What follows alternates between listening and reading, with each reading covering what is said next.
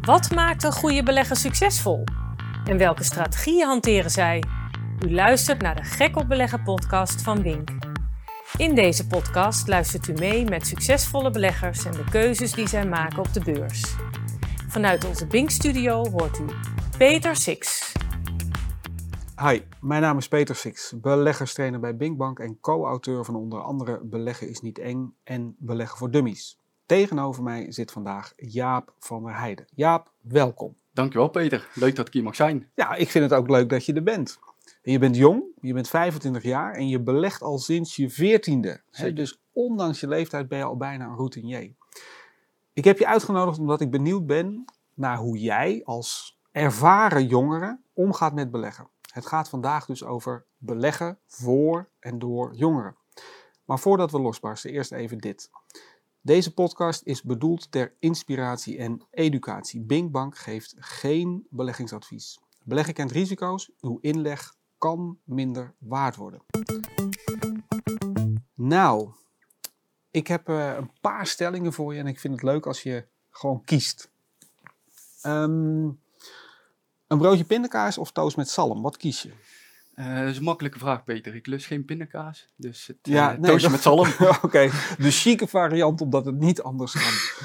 hey, een actief of passief beleggen? Uh, voor mij geldt denk ik wel actief beleggen. Ja? Ja, ik ben er op dagdagelijkse basis mee bezig. dus ik vind het ook leuk om ermee bezig te zijn. Het is eigenlijk een hobby van me. Zo zie ik het ook. Ja. En ik denk als jij actief belegt, dat je dan ook iets meer kans hebt om rendement te maken. Daar verschillen de meningen over. Um, een luier of een doevakantie, wat zou je kiezen? Uh, dan kies ik toch voor de doevakantie. En heb je dan een favoriete bezigheid wat je doet tijdens Nee, dat niet. Maar als ik ergens ben, dan vind ik het ook wel leuk om iets van de natuur en de cultuur te zien. Dus wat dat betreft uh, zeg ik dan toch uh, doevakantie. Wat dingen ondernemen. Ja, zeker. Niet, niet van s ochtends 9 tot s avonds 6 op het strand liggen en s'avonds in de bar bier drinken. Ja, de laatste klinkt wel goed. Alleen van s ochtends tot s s'avonds op het strand liggen, nee. Oké. Hey, en als het over beleggen gaat, kijk je dan alleen naar Nederland of kijk je wereldwijd? Um, ik persoonlijk kijk wel wereldwijd. ik denk ook wel dat dat met een stukje spreiding te maken heeft. Uh, waardoor je toch iets minder risico loopt. En als ik naar mij persoonlijk kijk, dan vind ik het wel interessant om ook in Amerika te beleggen in de hoogdividendfondsen. Mm -hmm. ik denk ook wel dat het iets meer gestimuleerd wordt door de overheid daar dan binnen Europa. Klopt. Ehm, ook als je kijkt, bedrijven hoeven daar bijvoorbeeld niet altijd uh, winstbelasting te betalen, maar in ruil daarvoor moeten zij dan 90% van hun winst uitkeren aan dividend. Eh, bijvoorbeeld de vastgoedfondsen waar dat bekend is. Ja. Dat is, wordt fiscaal gestimuleerd. Bijvoorbeeld zoiets, ja. En dat biedt denk ik wel iets meer kansen buiten Europa. Dus daarom kijk ik ook wel over de grens, ja. Oké. Maar het is niet zo dat je vooral geïnteresseerd bent als het gaat over buiten Europa, naar bijvoorbeeld de hippe aandelen op de Nasdaq. Um, ja, ik zou liegen als ik zou zeggen dat ik daar niet naar zou kijken. Alleen tot nu toe heb ik mijn vingers er nog niet aan durven branden, eerlijk gezegd. Oeh, maar dat geeft dus wel aan dat je er een bepaalde visie op hebt. Hè? Je vingers aan de Nasdaq-aandelen branden. Ja, ik heb er wel een bepaalde visie over. En ik denk wel dat op dit moment dat ze, dat ze allemaal vrij hoog genoteerd zijn ten opzichte van hun uh, intrinsieke waarde. Mm -hmm. En dat je best wel ja, een hoge koers-winstverhouding betaalt op dit moment. Um, en dat, ja, dat het vrij gehyped is. Dus eh, ja, ze staan hoog omdat het gehyped is. Maar aan de andere kant durf ik er ook weer niet tegenin te gaan. En, en een short positie op in te nemen. Dus tot nu toe heb ik ze links Ja, en even, even voor, de, voor de luisteraars, een short positie, dan, dan anticipeer je eigenlijk op een daling van een aandeel. Precies. En dan zou je dus aan een daling van het aandeel Precies. geld verdienen. Nu 25, op je 14e begonnen. Hoe ben je erin gerold? Ehm, ja, dat is eigenlijk voornamelijk uh, gekomen door mijn vader. Die was daar uh, al wel vrij actief mee bezig. En ja, ik zag dat en ik wilde wel iets voor mezelf gaan opzetten daarin. Mm Dus toen ik 14 was, kocht ik volgens mij mijn eerste aandeeltjes destijds. We, weet je nog wat de allereerste was? Uh, moet ik even goed nadenken. Ik denk uh, Shell ArcelorMittal, ABN AMRO. Iets in, dus een beetje de oudere economie, uh, zoals okay, dat Maar de bekende, hè, de bekende namen uit de AX. Ja, en die kocht je dan uh, voor, ja, voor een langere termijn en voor het dividendrendement. Dat ja. was eigenlijk de insteek uh, destijds. Precies. Zo, zo ben je erin gerold. Zo ben ik, zo ben ik erin gerold, ja. Hey, en en wat, was, wat was nou de reden voor jou als 14-jarige om dan al op deze manier met geld bezig te zijn? Had je het idee van, joh, dan ga ik gewoon heel snel rijk worden? Ehm, nee, nee, dat niet. Nee? Nee, dat niet. Het was toen eigenlijk meer omdat, uh, omdat, omdat mijn vader het deed. Hè? Dus ik werd echt geïnspireerd door hem. Mhm. Af en toe meekijken en uh, ja, toen mijn eerste aandeeltjes gekocht. En ik weet nog wel dat ik iets ouder werd en toen raakte ik ook geïnteresseerd in, uh, in opties. Ja. Dus ik denk rond mijn ja, 17 of 18e zal dat geweest zijn. Toen kwam ik met, met opties in, in aanraking. Ja, en die ben ik eigenlijk op een hele uh, simpele wijze op mijn toen bestaande aandelenportefeuille gaan toepassen. Dus dan ging ik bijvoorbeeld op aandelen die ik in bezit had, ging ik bijvoorbeeld call schrijven. Ja. Misschien goed om even, even uit te leggen. Hè. De opties voor een aantal mensen gaan dan meteen de seinen op rood. Hè, want die zijn gevaarlijk en daar kun je rare dingen mee doen. Maar als je aandelen in bezit hebt en je schrijft een call-optie, daar ontvang je geld voor. En eigenlijk ga je een leveringsverplichting aan op iets wat je hebt. Maar ja, je, je zegt ik had ze in positie. Dus ja, dan is dat gewoon een gedekte positie. dat was, dat was een gedekte positie. En daar vond ik het ook niet erg van als ik die aandelen dan kwijt zou raken eventueel. Want dan had ik de premie toch gepakt. Precies. En misschien kon ik dat wel wat vaker doen. Dus wat vaker premie pakken zonder dat je moest leveren. Ja, dat is, dat is natuurlijk helemaal mooi. Maar dat is eigenlijk een vrij defensieve manier van toepassen van opties. Hij is, hij is ja. ja, zou, ja, zeker. De meeste mensen die beginnen met opties door ze te kopen dan, dan kopen ze of een call of een put. Ja, ja. En dan als er niks gebeurt, ja, dan wordt die optie iedere dag een heel klein beetje minder waard. Maar jij begon eigenlijk al aan de andere kant met het schrijven van opties waarmee je een verplichting aangaat. Ja. Maar, maar, ik denk slim en goed uh, om het zo te doen. Zeker omdat je het gedekt deed. Je had de onderliggende waarde die je mogelijk zou moeten leveren. Ja, en ik heb het ook wel eens, wel eens omgedraaid hoor. Dat ik bijvoorbeeld uh, dat ik de aandelen moest leveren. En dat ik ze wel weer graag terug wilde hebben. Dus dan ging ik op datzelfde aandeel put schrijven. Ja. Maar ook voor een put schrijven geldt als je de aandelen daadwerkelijk wilt hebben. Ja. Dan is dat natuurlijk een prima manier om een heel klein beetje korting te krijgen ten opzichte van de huidige. En dat was toen zeker het geval. Dus, uh, Oké. Ja, Oké. Ehm, zie je de laatste tijd, laatste paar jaar of laatste maanden dat je actiever of minder actief geworden bent? Mm, ja, vooral uh, sinds afgelopen maart vorig jaar. Hè, toen dus maart 2020 heb je Toen de coronacrisis begon, sindsdien is uh, eigenlijk echt het actievere handelen ook op de beurs wel, wel begonnen voor mij. Uh, ja, ik, voorheen sportte ik bijvoorbeeld drie keer in de week hè, en ging ik graag naar een festival of een feestje. Ja, dat viel de maat door de maatregelen natuurlijk weg. Um, en daardoor kreeg ik heel veel vrije tijd over. Dus ik dacht van, ja, hoe ga ik die vrije tijd nou ombuigen in iets positief, zeg maar. Wat, wat, kan ik daar nou mee gaan doen? En toen kwam ik een uh, traderscursus voor opties tegen. Mhm. Nou, die ben ik, uh, ben ik toen gaan volgen. Toen merkte ik wel dat ik het echt leuk vond uh, om daarmee bezig te zijn. en zo is het balletje is zo eigenlijk gaan rollen. Toen heb ik nog boeken gelezen over opties, ja, podcasts luisteren, onder andere jouw webinars volgen. En ja, sindsdien ben ik er eigenlijk op dagdagelijkse basis wel mee bezig. Dus ehm, ja, sinds vorig jaar maart is het, uh, is het echt het actievere werk begonnen. Kan je zeggen, als je nu met jouw ervaring naar opties kijkt, is het voor jou iets wat je hè, voor een gemiddelde belegger, kan je het er gewoon bij doen als je één keer in de zes, acht weken naar je portefeuille kijkt? Of moet je er dan toch gewoon wel wat actiever mee bezig zijn? Uh, je moet sowieso wel weten uh, hoe het werkt. Uh, maar daarnaast kan het bijvoorbeeld, zoals ik net zei, een heel mooi middel zijn om ehm, als extra rendement op je portefeuille te dienen. Dat is één.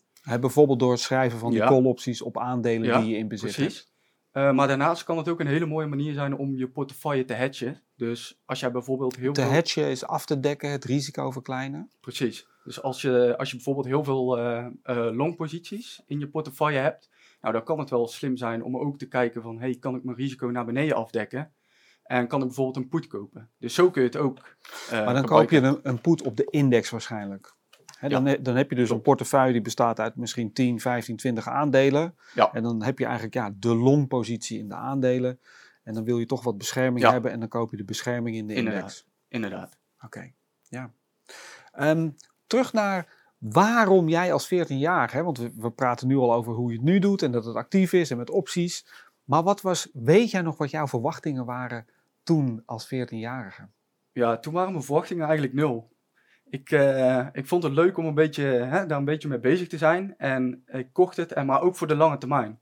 verder had ik er niet echt, ja, niet echt eh, iets emotioneels mee of zo. Ik kocht het en ik liet het staan en ik vond het leuk en er kwam een beetje dividend naar me toe en prima. Ja. Weet, je nog, weet je nog je eerste dividenduitbetaling? Ik kan me voorstellen dat dat best een bijzonder moment was voor jou als 14, misschien 15 jaar. Ja, dat, dat leek toen heel makkelijk verdiend, Peter. ja. nee, dat kan ik me helemaal voorstellen. Ja. Hè, zo voelt het dan. Jij Ja. hebt, die, jij hebt iets in bezit en dan... eh, Het werkt echt, zo. ja, ja je krijgt precies. het echt. Ja, ja, ja, ja, ja. Ik heb een keer een klant horen zeggen, dat, dat vond ik heel mooi, die had een agrarische achtergrond en die zei, ik hou van koeien die melk geven. Ja, dat is een, eh, dat is een Hè? mooi gezegd En dan is het voor hem Daar was ik ook het, het dividend was de melk. Ehm,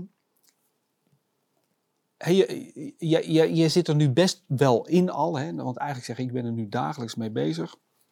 Maar heb jij het gevoel dat, dat beleggen de juiste associatie oproept bij de gemiddelde Nederlander?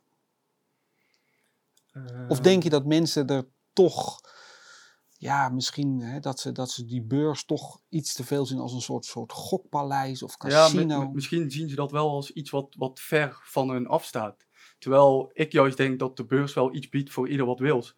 Kijk, je hoeft niet per se eh, actief te beleggen of er dagelijks uren mee bezig te zijn of achter het scherm te zitten. Kijk, je kunt ook bijvoorbeeld passief beleggen. Mhm. En ehm, ja, maandelijks of per kwartaal een beetje geld in een mandje met aandelen te stoppen. Kijk, zo kan het ook. Dus wat dat betreft denk ik wel echt dat er voor, voor iedereen wat wils is. Hey, en Ja. wat, wat zou zeg maar de financiële wereld moeten doen om het toegankelijker te krijgen voor mensen die, die, die nu eigenlijk bij, zodra ze het woord beurs horen, zeggen ze nee, deur is dicht, ik blijf lekker sparen. Wat, wat is jouw visie daarop? Ja, vind ik een goede vraag. Want ik vind het op zich op dit moment al heel toegankelijk eigenlijk voor iedereen. Want als je kijkt, ja, je hoeft maar een broker op te bellen. Je kan een rekening openen en je kan aan de gang. Ik had het toevallig laatst met mijn vader over. Ik zei, hoe, hoe, hoe ging dat vroeger dan? Hè? Dat, dat aankopen van aandelen. Nou, toen zei hij, ja, dan, eh, dan liep ik naar de tv toe. En dan eh, ging ik de eh, koersen op teletext kijken. Ja. En dan, dan belde, ik, belde ik de broker op. Dat was toen nog een fysieke broker. Die kreeg je echt aan de telefoon. En dan zei je, ja, ik wil dit en dit aandeel hebben hè, voor deze en deze prijs. Ja, is goed, zei die broker. Ga ik mee aan de gang. Eh, en dan kreeg je volgens mij aan het eind van de dag een soort memootje of zo. En dan waarin stond in welke posities je dan was gevuld en welke niet. En als je nu kijkt, ja, je kan bij wijze van spreken met één druk op de knop kun je aandelen kopen. Dus ja, voor mij is het al vrij toegankelijk. Maar eens hè, want ik ken ook de tijd dat ik met teletext aan de beurs volgde. Ja, ik ken, ik ken dat dus helemaal niet. Nee, eh. nee, maar dat kun je je niet voorstellen. Want eigenlijk waren de koersen waren de krant van gisteren. Hè? Dat, dan had je de slotkoersen en dan had je de, de hoog en de laag van gisteren.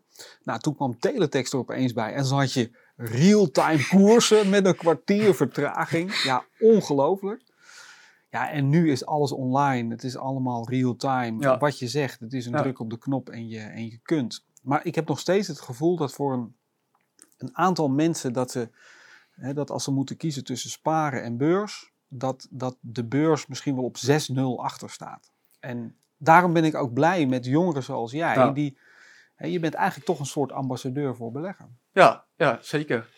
Maar misschien komt het ook wel een beetje omdat er natuurlijk ook wel eens eh, zich wat eh, schandalen hebben voorgedaan hè, op de beurs. En dat wordt natuurlijk breed uitgemeten in alle kranten en het nieuws.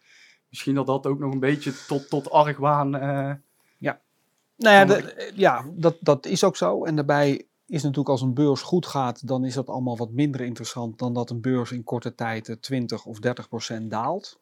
Dus de dalingen komen groot in het nieuws en de stijgingen, dat wordt wel eens vergeten. Ehm, maar ik denk tegelijkertijd dat je heel makkelijk je risico kunt verminderen als particuliere belegger. Door bijvoorbeeld, zoals jij net zei, ook in, in mandjes aandelen te beleggen. Hè, veelspreiding, dat kan tegenwoordig allemaal goed. Ehm, als je nu terugkijkt, 11 jaar beurshistorie, 11 jaar ervaring. Zijn er dingen die je fout gedaan hebt in die tijd? Ehm, nou, vooral in het actievere handelen zijn wel, eh, zijn wel dingen die, eh, die er wat, eh, die wat fout zijn gegaan. Ja. Ja, ja ik, eh, ik heb één keer een, een positie genomen, waar dat, dat, dat was een eh, optiespread. Wat ik daarmee eigenlijk eh, probeer te doen, daar schrijf ik een, een, een, call mee op korte termijn. En die dek ik af met een langere termijn call. Ja. Uh, wat is daarbij het voordeel ten opzichte van als jij los een call koopt? als jij los een call koopt en jouw onderliggende waarde die, die doet niks, dan loop je eigenlijk per dag een beetje leeg. Omdat er, omdat er ja, dan wordt de optie iedere dag een heel klein beetje minder Precies. waard. En met zo'n spread probeer ik dat eigenlijk om te draaien. eh, om dat tijdswaarde elke dag naar mij toe te halen als die koers niet beweegt. Dat is eigenlijk het spelletje wat ik probeer te spelen. En eh daar was ik in maart, nee, ik denk iets later dan maart was ik daarmee begonnen. En eh, dat ging vrij goed. En ja, natuurlijk, de omgeving was er ook wel een beetje naar. De premies hoog- waren hoog. Hoog volatiele omgeving. Ja, dus eh, dat ging goed. En eh, toen kwam een beetje het gevoel van, eh, van euforie bij mij. Hmm. Dus ehm, toen, toen heb ik me niet meer aan mijn plan gehouden daarna bij die trade. En toen ben ik wel redelijk afgeslacht in die positie. En sindsdien doe ik ja, zoiets ook nooit meer. In ieder geval, ik, ik probeer vooraf een plan op te stellen. Ja? Hierbij ga ik winst nemen, hierbij ga ik verlies nemen. Eventueel, als er dit gebeurt, ga ik bijsturen. Eh, en daar probeer ik me nu wel echt aan te houden. Dat geeft ook wel een stukje meer rust voor mij. En ehm, ja, ik, eh, het was vervelend dat, eh, dat, dat dat kwam. Maar aan de andere kant was ik ook wel blij, want het is wel echt een wijze les geweest voor mij. In een aantal gevallen die kun je duizend keer verteld worden. Maar dan moet je het één keer zelf meemaken. En dan snap je wat er pas goed, hè, eigenlijk wat er die duizend keer verteld is. Precies, want ja, ik heb het natuurlijk gehoord, hè, over, ook bij de optiecursus en ja, gelezen in boeken. En ja, bij, bij het gevoel van euforie denk je, nou, het zal wel meevallen, ja, totdat het echt gebeurt en dan eh, Ja. kan het Ja. wel hard gaan hoor. Ja. Nee, ik denk dat dat, dat dat het gevoel van euforie en dan ook nog de gedachte erbij, ik snap het nu echt. Ja, ja, dat is het, dat is helemaal dat dat, is het zijn- ergste. Dat zijn grote alarmbellen. dus dat is, dat is een wijze, wijze les. Is er nog een andere inzicht wat je hebt vergaard? Hè? Want je had het eigenlijk ook al over een, een tradingplan of een beleggingsplan. Eh, hoe, hoe kijk je daarnaar? Ehm, nou, eigenlijk het plan voordat ik iets inneem is dat ik ehm, ja, eigenlijk fundamenteel een visie probeer te vormen op een aandeel. Dus waar ik nu bijvoorbeeld eh, positief naar kijk is eh Ahold. Vind ik, vind ik een leuke aandeel om nu in de gaten te houden. Onder andere door de, door de coronacrisis, hè, dat de supermarkten het Ja. goed doen. Nou, ik denk dat die, dat die crisis dat die voorlopig nog niet over is. Dus dat ze ook wel goed blijven presteren. Mhm. Nou, daarnaast hebben ze ook een, een stille kracht in de vorm van, eh, van bol.com. eh, waarvan ik denk dat dat nog niet in de koers zit. Nou, dus dat is dan je, je fundamentele visie op een aandeel. Ja, en dan ga je technisch kijken hoe ligt zo'n aandeel erbij. eh, ja, waar liggen steun, eh, steunpunten, waar zie je... dat, dat haal je eigenlijk uit de grafiek. Dat, dat haal ik uit de grafiek. Maar de eerste, dat, dat vind ik wel belangrijk. De eerste stap is fundamenteel kijken. Precies. Wat doen ze? Wat is Ja. mijn visie op hun activiteiten? Wat, hoe zijn de cijfers? Hoe is de winst? Weet je, al dat soort dingen. Dat is fundamenteel analyse maken. En dan de tweede stap is dat je naar het plaatje gaat kijken. Wat vertelt de grafiek mij? Ja, dus waar, liggen, waar liggen belangrijke steunpunten? Waar zie jij kopertjes in de markt komen? Waar, eh, waar liggen weerstanden? Hè? Waar Mhm. ketst de koers bijvoorbeeld op af?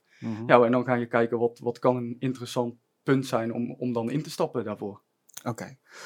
En dan bestaat het plan waarschijnlijk nog ook nog van ja, als je dan instapt, want dat is ergens ga je instappen. En heb je dan ook al meteen je verliesneempunt en je winstneempunt bepaald? Ehm, ja, meestal wel. Ik, eh, ik bepaal mijn, eh, mijn winstneempunt sowieso. Die leg ik ook van tevoren vast. Elke trade overigens eh, die ik doe, die leg ik vast. Je, je hebt een logboek. Ik heb een ja, ja, soort van logboekje in Excel waar ik in precies Ja. inschrijf wat ik altijd doe.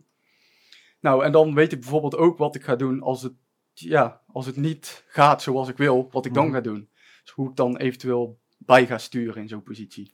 Maar zou het ook kunnen zijn dat je dan op een gegeven moment zegt: Ik moet nu instappen in Ahold? Je stapt in, want je verwacht dan de stijging. En, eh, en zes weken later of eh, tien weken later is er eigenlijk nog steeds helemaal niks gebeurd. Zou dat een reden kunnen zijn om uit te stappen? Ehm, ik, denk, ik denk met aandelen wel. Eh, Maar wat jij schetst, dat is ook precies gebeurd. Want ik was voor de vorige earnings was ik ingestapt van Ahold. Eh, nou, die cijfers waren eh, eh, verder prima, alleen eh, de koers die daalde. Want eh, ja, schijnbaar hadden de, had de beurs er toch iets meer van verwacht. Ja. En dan zou het kunnen dat als je aandelen in bezit hebt, dat je denkt van, hé, hey, ik ga uitstappen. Maar ik had toen calls eh, in bezit, langlopende calls. En het deed niet wat ik wilde, dus toen ging ik eh calls schrijven om premie naar me toe te halen. Waarschijnlijk kortlopendere. Kortlopende om ehm, ja, dat tijdswaardeverschil, om dat naar me toe te halen. halen Mhm. Mhm. Dus dat, zo, op die manier probeer ik dat dan bij te sturen. Maar het is niet dat ik dan zeg van, hé, hey, ik ga al mijn calls in één keer verkopen en uh, klaar met die positie. Oké. Maar je, je stuurt dus wel bij en je hebt eigenlijk van tevoren ook bepaald... Oké. Hey, en hoe makkelijk kun jij, en we hebben het nu, dat is denk ik ook nog wel belangrijk om te vertellen, we gaan het vooral over het actieve stuk van de portefeuille. Ja. Hè? Hoe makkelijk neem jij verlies? Um, op het moment iets, iets makkelijker dan voorheen. Ja. Uh, ja, voorheen is het natuurlijk, uh, als je begint, is het natuurlijk allemaal nieuw. En uh, ja, dan doet verlies doen, doet, doet pijn. En ja, dat zie je als, hè, ik zat verkeerd, hè, het, het, is een fout van mij. -hmm. En nu zie je dat wel meer van, hey, het hoort erbij. Uh, ja, zorg dat je verliezen beperkt zijn en, en dat je winsten gewoon groter zijn. En dan doet het minder pijn om verlies te pakken. Ja. Nou, ik denk dat je, dat je een belangrijk punt aanstipt. Hè? Dat is, verlies nemen is ook heel vaak een ego-probleem. De meeste beleggers zien zich als ja. in, intelligente, competente mensen. En als die iets kopen op 10, ja, dan denken ze dat het gaat stijgen. Hè? Want anders zou je dat niet gekocht hebben. Maar als het dan naar 9,5 gaat of naar 9, en op 9 zit je al 10% scheef. Ja, dan moet je eigenlijk zeggen van joh, ik blijf slim, ik blijf competent, maar dit Ja. heb ik fout gezien. Ik zet mijn ego aan de kant, ik neem verlies en ik kijk naar de volgende kans die er is. Ja, en dat- nogmaals, ja. dit is binnen de actieve kant van de portefeuille. Hè? Ja, dat is wel een beetje het, eh, de psychologische kant eh, die dan eh, om de hoek komt kijken. Ja. Ehm, heb jij, maak jij het onderscheid binnen je portefeuille tussen een, zeg maar een, een trading gedeelte en een meer buy and hold lange termijn gedeelte? Ehm, ja, ik, eh, ik heb een, eh, een buy and hold gedeelte, dat, eh, dat bestaat uit, uit 80% eh, van mijn portefeuille. En het actievere werk bestaat uit 20% eh, van mijn Ja. portefeuille. Ja. Want in dat, in dat 80%, hè, dat, dat stuk voor de langere termijn, ga je daar, neem je daar ook verlies? Heb je daar ook een tradeplan? Hoe doe je dat? Nee, daar, heb ik, daar neem ik geen verlies. En dan moet ik zeggen, daar heb ik ook vrij weinig emotionele waarde bij. Dat, dat heb ik gekocht omdat ik denk, hé, hey, dat gaat het in lange termijn echt goed doen. Dus daar Mhm. laat ik ook gewoon staan en, en daar blijf ik vanaf. Precies. Nee, maar ik, ik- het is dus eigenlijk, en het is bijna een beetje mijn ideale wereld, hè, dat een belegger zegt, er is gewoon een lange termijn portefeuille. Ja. En dat is buy and hold en daar doe ik eigenlijk niet zoveel mee. Hè, dat kun je met losse aandelen doen, dat kun je natuurlijk ook Ja. met, met mandjes doen. En er is een stuk van de portefeuille, daar ben ik gewoon actiever mee bezig. Ja, en het is ook wel een beetje zoals, zoals jullie beschrijven hè, in het webinar, dat je het probeert eh, een beetje te managen als, eh, als voetbalcoach. Wat, Ja. ik, wat ik zelf probeer te doen is, eh, hè, ik heb mijn, mijn achterhoede. Dus ja, de minder risicovolle producten die staan bij mij achterin. Hè, dus de, de gespreidere fondsen in verschillende sectoren. Ja. Nou, dan heb ik een soort van middenveld met individuele aandelen en eh, langer lopende opties op aandelen waarvan ik denk die gaan het de komende tijd goed doen. Ja. Ja, en mijn aanval die bestaat dan eh, voor een klein gedeelte uit die tradersportefeuille. Ja. Zo is het eigenlijk een beetje opgesteld. Heb jij al met al vorig jaar een goed jaar gehad? Vorig jaar was eh, al met al een goed jaar. Ook omdat ik begon met handelen pas na maart. Oké. Dat, dat is denk ik wel mijn, mijn voordeel geweest. Ja. Ehm, dus dat was ja, prima. Eh, mijn, mijn lange termijn aandelen zijn natuurlijk wel, eh, wel wat gedaald. In maart toen, Eh, ja, maar ik heb daarbij ook besloten in die tijd om, om bij te gaan kopen. precies, gewoon, eigenlijk heb je dan gebruik gemaakt van de dip. Ja. Dat je zei van ja, ik heb opeens aandelen kan ik kopen met, met de 30, misschien wel 40% korting. Ja, het ging, het ging in één keer zo hard allemaal. Ja. Dan denk ik ook wel dat dat een beetje te maken heeft dat er heel veel elektronisch wordt bestuurd eh, op dit moment. Mhm. Dus ja, als er een klein beetje paniek in de markt uitbreekt, dan ja, accelereert dat denk ik wel extra snel naar beneden toe. Omdat dan ja, alle stop-losses worden geraakt en dat zorgt er denk ik wel voor dat het extra snel kan gaan.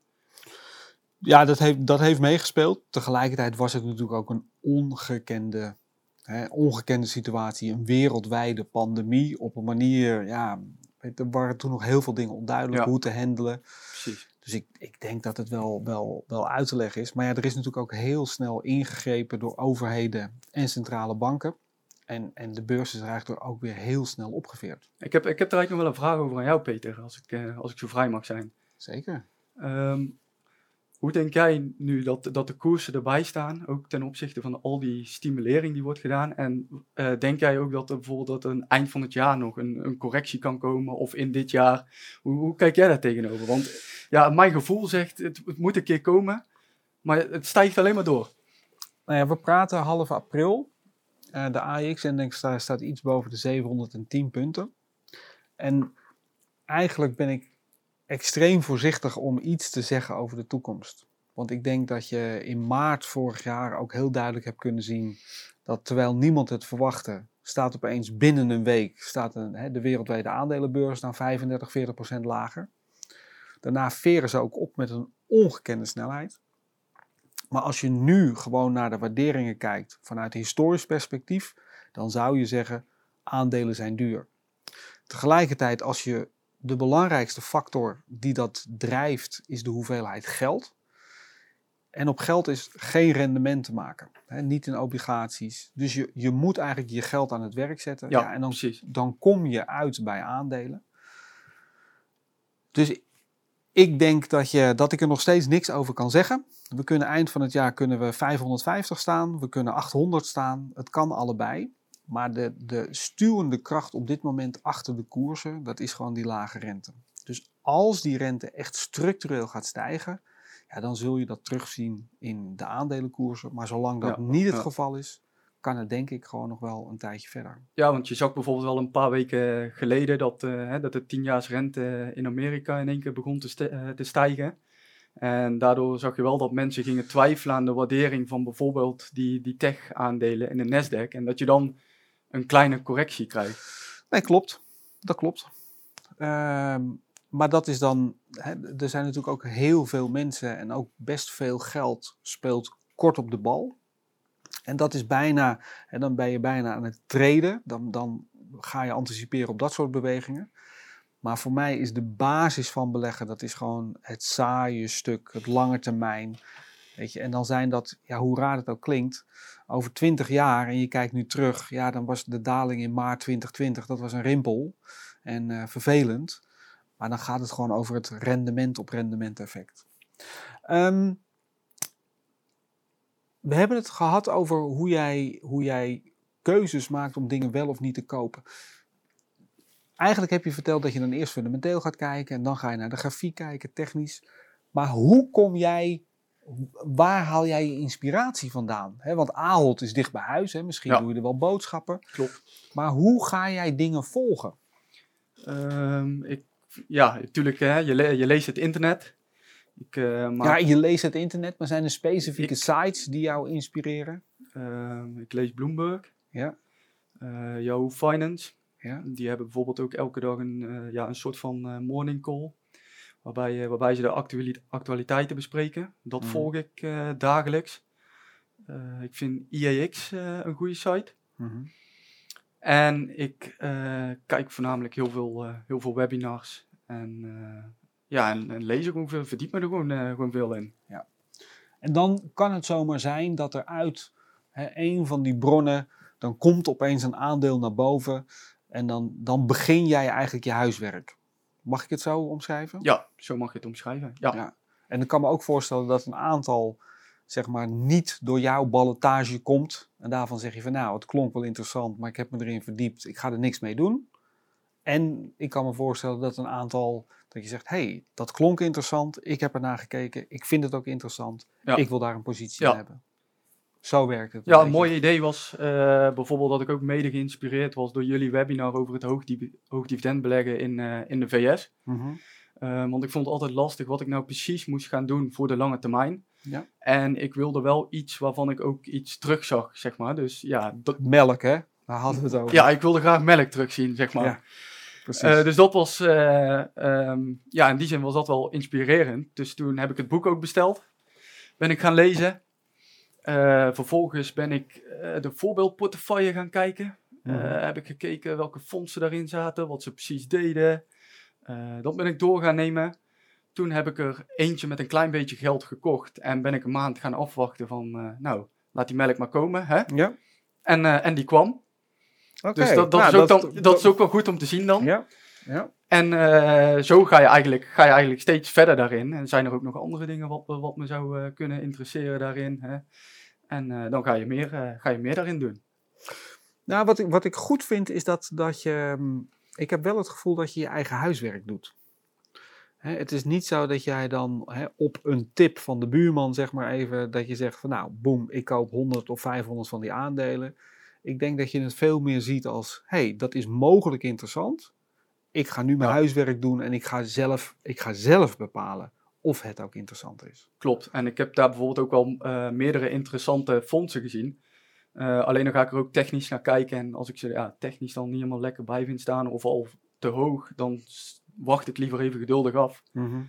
Omdat in het verleden ook wel eens gebleek, uh, is gebleken dat ja, als je te enthousiast bent en te snel en te veel wil inkopen, ja, dan heb je niet die, die mooie spreiding dat als je gefaseerd instapt, ja, dan heb je een mooie gemiddelde aankoopprijs. Maar dat doe je ook? Je, je bent ook uh, om, om gefaseerd een positie zeker. op te bouwen? Ja, ja? ja zeker. Oké, okay. nou, heel goed.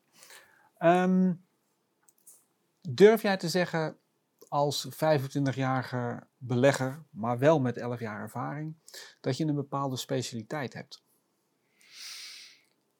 Uh, dat, vind ik, uh, dat vind ik lastig te zeggen. Een, een bepaalde specialiteit. Dat, dat niet zozeer. Ehm, misschien dat uh, mijn specialiteit is dat ik toch een, een vrij brede portefeuille heb met spreiding. Mhm. En dat ik misschien wat kennis heb van derivaten, waar, uh, waardoor ik misschien ook beter mijn portefeuille kan hatchen. Dat ik weet wat ik wil gaan doen uh, als het eventueel daalt. Dat ik een plan daarvoor heb. Nee, dat, dat, denk dat ik zou ook. ik dan als specialiteit ja. bestempelen. Hey, en hoe zit het met emotie? Hè, want dit zijn natuurlijk, je hebt, je hebt veel verhalen verteld. Je hebt dus, uh, dat, dat, dat is vrij rationeel, zeg maar. Nou, aan de, aan de upside van de emotie heb je het gehad over euforie. Maar Ja. die hebben we betiteld als een hele grote alarmbel. Ja. Hè, Als je je euforisch voelt met het gevoel van ik snap het spelletje, kom maar op. Dat is een alarmbel. Maar zijn er nog meer emoties bij beleggen en traden betrokken die belangrijk zijn? Ehm, ja, geduld. Ik denk ook wel dat dat een lastig punt is voor mezelf. Want als jij een goed plan voor jezelf hebt opgesteld en ja, je bent ervan overtuigd dat dat gaat werken. En je hebt een bepaald instapmoment bepaald en die koers gaat richting dat instapmoment. Dan ben ik al wel vrij snel geneigd. van, Wil je eh, toch wel ietsje pietje meer betalen om er ja, alvast ja, in ik, te wil, zitten? ik, ik, wil, ik wil erin zitten, denk ik dan. Terwijl, ja, soms kan het ook iets verder doorschieten, nog naar beneden. Dan denk je, jongen, had iets geduldiger gedaan. Ja.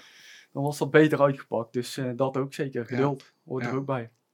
Heb jij een manier om, om, om iets geduldiger te worden? Ik denk dat je leeftijd in die zin je een beetje parten speelt. Hè? Als 25-jarige is het lastiger om geduldiger te zijn dan als je wat ouder bent.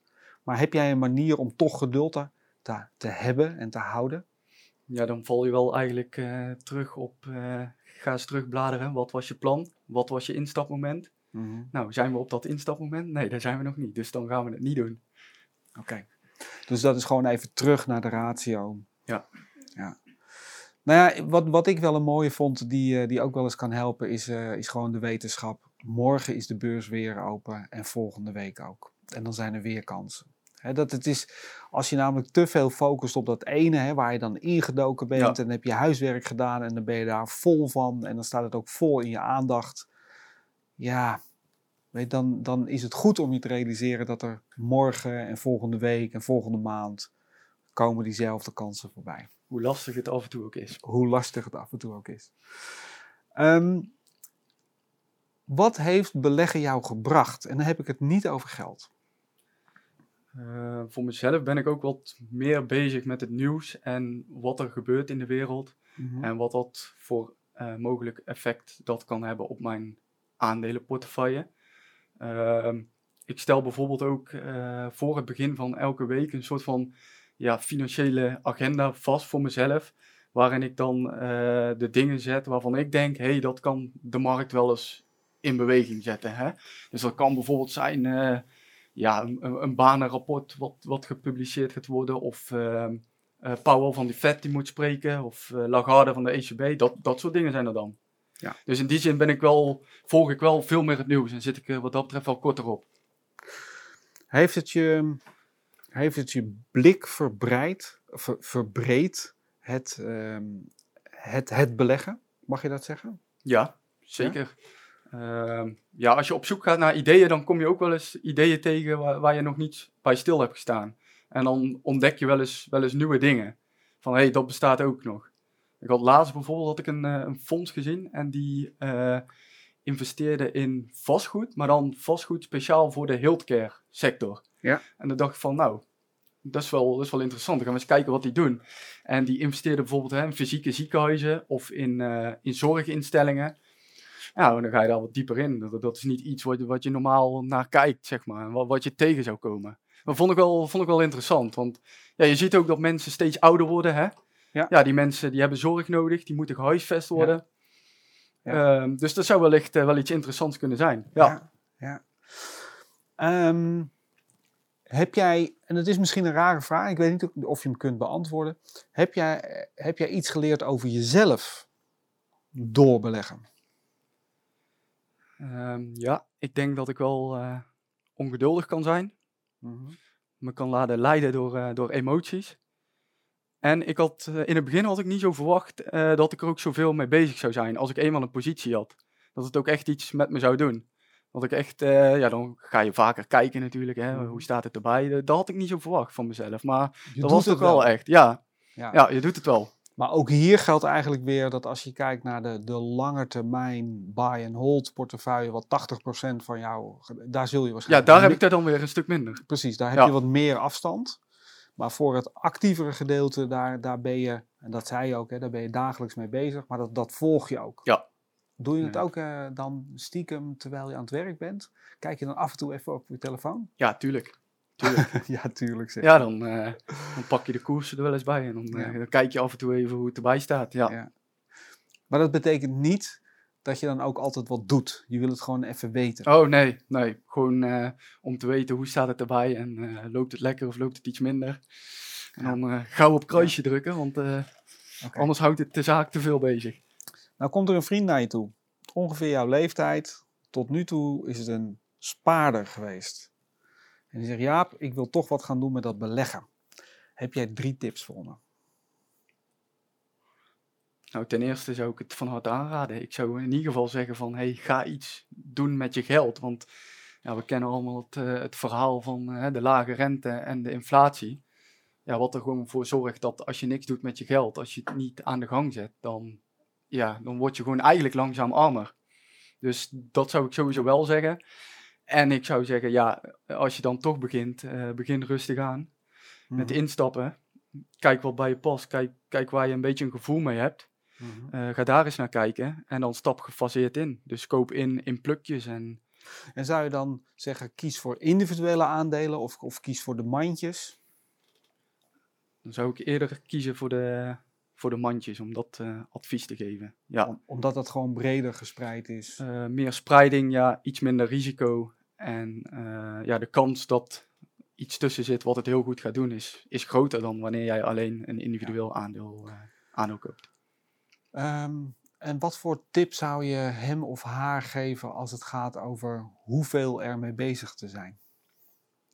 In het hoofd dat ligt aan diegene zelf of hoeveel die ermee bezig wil zijn. Als zij bijvoorbeeld een, uh, een strategie voor lange tijd hebben. En uh, ja, dan zou ik uh, eerder adviseren, hey, stap in en kijk één keer in de maand hoe het gaat. En verder is dat oké. Maar wil jij er actiever mee bezig zijn, ja, dan moet je ook wel gewoon iets korter op de bal zitten om, ja. om wat leuke ideeën op te doen. Ja. Dus het, ja, het hangt gewoon af per persoon. Ja. Nou, maar je zei het daar straks al, hè? als je gewoon kijkt naar de beurs, dan zeg je eigenlijk binnen die beurs is er voor ieder wat wils. Ja. Hè? Want je kunt het, ja, je kunt het zo, zo rustig doen als je wilt, maar je kunt het ook zo wild doen als je wilt. Um, en eigenlijk zeg je, ja, als iemand begint, begin rustig. Hè, met gefaseerd instappen, hè, kopen mandje, kijk niet al te vaak. Maar als mensen dan merken, hé, hey, ik begin het toch wel leuk te vinden, nou, dan, dan schuiven ze als het ware een beetje naar de wat actievere kant. Ja, en dan ga je er meer mee bezig zijn. Klopt. En als ik dan uh, toch nog één advies mag geven, ja, jij mag dat wel geven, ik niet. Maar jij mag oh ja, we hebben natuurlijk te maken met de disclaimer, hè? Mag ik dat wel, ja? Ja, joh, jij mag uh, zeggen wat jij ervan vindt. Het is uh, nee, ik, zou, uh, ik zou zeggen, ja, als je gaat werken met derivaten, weet wat het doet. Mm -hmm. ja, ken het product. Mm -hmm. En ja, zorg dat altijd je risico's zijn afgedekt. Ja. ik, dat is, dat is, daar kan ik me helemaal achter scharen. Want dat zijn dingen die ik ook ehm, in een podcast zou kunnen zeggen, maar ook tijdens een webinar. Snap wat je doet. Exact. Hè, dat is belangrijk. En blijf, hè, kijk gewoon naar de worst case. Kijk altijd naar het risico. Ja, want het kan altijd gebeuren. Ook al denk je van niet. Ja. Um, Jaap, zo zitten we toch maar heel makkelijk even te praten. Um, is snel gegaan, ja. Ja, dat gaat snel. Is er iets dat ik je nog niet gevraagd heb, maar wat je eigenlijk wel had verwacht? Uh, nou, dat niet zozeer. Ik kwam er, uh, kwam er vrij blanco in, moet ik zeggen. Nee, maar dat is goed. Je bent gewoon enthousiast erover. Je bent niet op je mondje gevallen. Nee. Dus je, je praat er makkelijk over. Ik heb, ik heb wel een, uh, nog één vraag aan jou. Uh, want tweede jij, al. Tweede vraag. Als er nog een klein beetje ruimte voor is. Um, jij vroeg net naar het rendement van het afgelopen jaar. Heb jij iets voor jezelf dat jij zegt van hey, in een normaal beursjaar, hè, zonder, zonder corona, dan wil ik een bepaald percentage rendement halen voor mezelf? Heb jij daar een, een, een doel bij of zo? Dat is een goede vraag. Ik, kijk, ik denk dat er, um, als het gaat over rendementseis, dat dat een beetje verschilt ook uh, waar je staat als belegger en wat je nodig hebt. Als je er heel simpel naar kijkt, dan zou je kunnen zeggen dat er drie redenen zijn om te beleggen. Dat is het behoud van je vermogen. En als je dan zeg maar, de inflatie goed maakt in de vermogensrendementsheffing, dan heb je je doelstelling bereikt. dus dat, dan heb je met een laag rendement heb je voldoende. Ja. De tweede reden om te beleggen is dat je zegt, ja, maar ik ben op zoek naar inkomen. de melk waar we het over hadden. Ehm, maar dan moet je dus ook nog wel die eh, inflatie en vermogensrendementsheffing goed maken. En dan heb je iets meer rendement nodig. En dan ga je naar richting zeg maar, de 4, 5 procent aan, aan, aan dividendrendement. En de laatste reden is voor groei van je vermogen. Nou, en dan denk ik dat als je gewoon kijkt naar de langjarige rendementen op aandelen, dat zit al mhm. rond de 8%. En dan zou je dus kunnen zeggen van ja, ik, ik beweeg mee op de beweging van de markt. En als ik dan over een aantal jaren gemeten uitkom, zo rond die 8%, op dat gedeelte wat in aandelen belegd is, ja, dat is goed. Maar als je jong bent, zit je veel in aandelen, want dat risico kun je dragen, je hebt een lange horizon. Als je ouder bent, dan wordt het behoud van je kapitaal belangrijker. Ja, dan, dan ga je dus wat, wat rustiger beleggen, maar dan gaat de kans is ook heel groot dat daarmee jouw rendementseis waar die als jongere misschien 8 of 10 procent was per jaar. Ja, dan ben je misschien als, als 60-plusser, zeg je van joh, als ik 4, 5 procent haal, dan ben ik helemaal tevreden. Ja. Ja. dus het is, het is niet een hele makkelijk te beantwoorden vraag, maar ik denk dat het, um, dat het eigenlijk begint bij een reële rendementseis. Precies. als mensen nu zeggen, op de bank krijg ik nul, ik wil gaan beleggen en ik ga daar 25% per jaar maken, ja, die komen natuurlijk van een hele koude ja, kermis thuis. Ja, zeker. Dus ik denk dat het wel goed is om daar een reële rendementseis te hebben. Ja. Van wat je, wat je verwacht. Nee, duidelijk, uh, Peter. Ik ga jou danken, Jaap. Ik vond het echt uh, leuk dat je er was. Je was ook echt enthousiast in je mail en enthousiast in het telefoongesprek. Nou, hartstikke goed. Um, ik, ga, ik ga jou bedanken. En ik ga natuurlijk mijn technische steun en toeverlaat Arjan ook bedanken. Um, graag tot de volgende. Dank je wel.